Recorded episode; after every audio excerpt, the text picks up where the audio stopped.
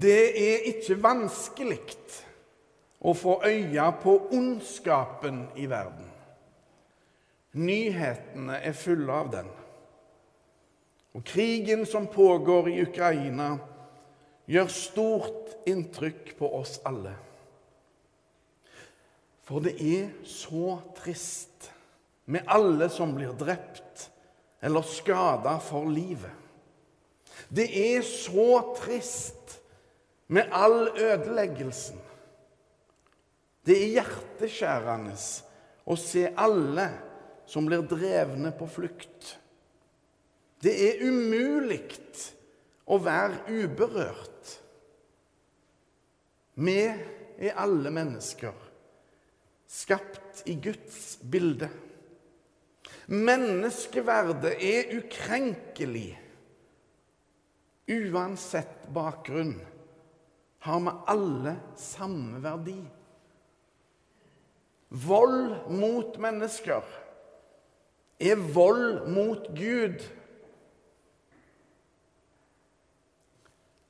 Fastetida sine tekster peker fram mot det store oppgjøret mot all verdens synd og ondskap.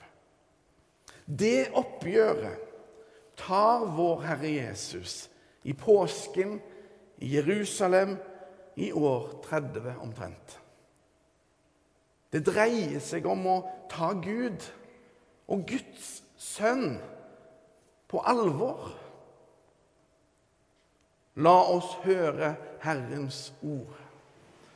Gud være lovet. Halleluja, halleluja, halleluja.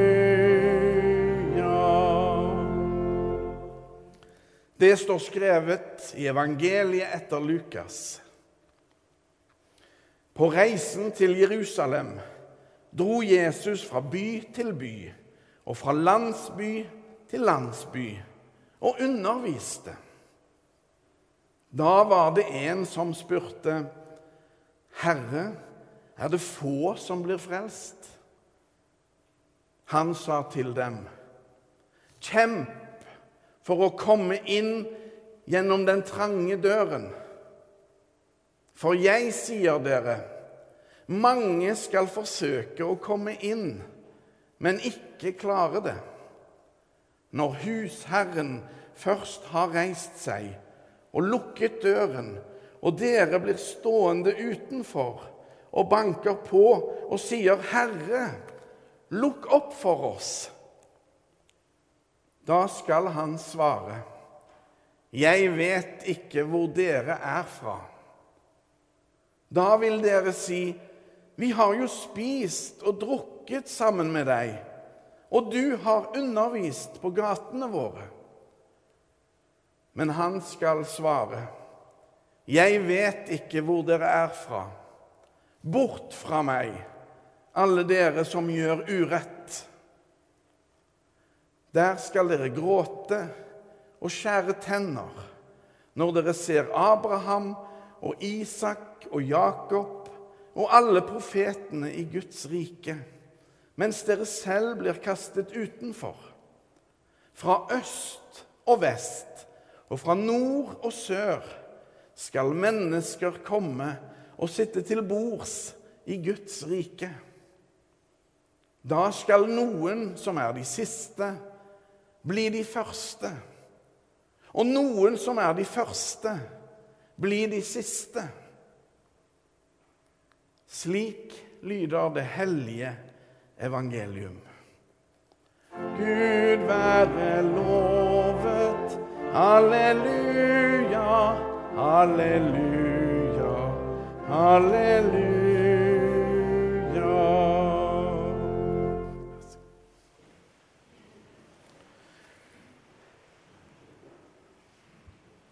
Han var ikke akkurat først i køen. Det er et uttrykk som brukes av og til for å illustrere om noen er lite smarte eller mindre begava på annet vis. eller når det gjelder utseende eller evner og anlegg generelt. Han var ikke akkurat først i køen. Så kommer Jesus og sier at rekkefølgen skal bli endra. Og alle de som sto langt bak i køen, blir da løfta opp og fram av Jesus, som ser oss alle som vi er. Jesus ser bak maskene våre, kjenner oss til bunns bedre enn vi gjør sjøl. Men så har vi mennesker så inderlig lett for å ta ting som en selvfølge. Også Guds nåde. Også Guds kjærlighet. Også Guds redning kan bli tatt som en selvfølge. Som om frelsen, Guds redning, var en rett vi hadde. Men frelsen fra Gud er en gave som Jesus har kjempa for å kunne gi oss. Jesus viste at vi mennesker er verdt å dø for, alle som én.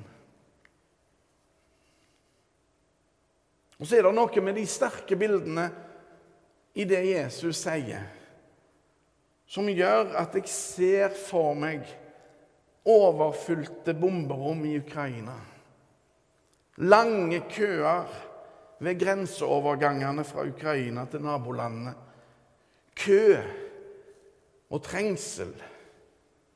Kampen for å komme gjennom den trange porten.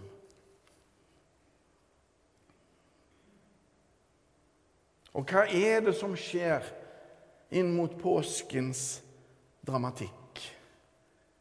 Er det en styrte vei inn mot katastrofen og nederlaget for Jesus? Eller er det den grenseløse vondskapen som tar fullstendig over? På den ene sida er det ting som tyder på at Gud har lagt opp hele regien på alt som skal skje. På den andre sida virker det som om ondskapen og tilfeldighetene som får råd. Går Jesus inn i rollen som Herrens lidende tjener? Eller den triumferende Messias, den store kongen, den salvede som skulle komme? Kanskje begge deler. Det gåtefulle påskedramaet er ikke entydig. Korset er og blir ei gåte for oss. Han var ikke akkurat først i køen. Jesus var først i køen. Hans seier over det onde. Hans oppgjør med ondskapen koster mye, koster alt. For den kjærligheten Jesus møter verden med, blir overkjørt av ondskapen og dødskreftene. Den som bringer lyset og håpet inn i verden, blir utsletta, men ikke for alltid påskemorgen slukker sorgen. I dagens tekst er det noe gåtefullt over Jesus svar. For spørsmålet noen kommer med, er faktisk et ja-nei-spørsmål. Herre, er det få som blir frelst? Og hører vi godt etter er svaret Jesus gir, ganske så tydelig. men overraskende. For det henviser til en djupere virkelighet, der de som blir frelst, kommer fra alle himmelretninger. Jesus svar er høyt og tydelig. Nei, det er mange som blir frelst. Men svaret hans blir en sjølransakelse hos den enkelte. Kjemp! Kjemp for å gjøre det rette!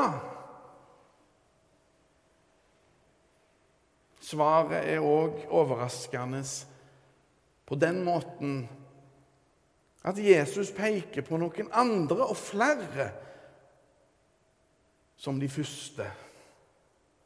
Noen andre skal være de første. Og de skal komme fra alle kanter. Og de første, de som hørte dette først, de skal bli de siste. Og dette som Jesus sier, er mye mer provoserende enn det vi klarer å få med oss.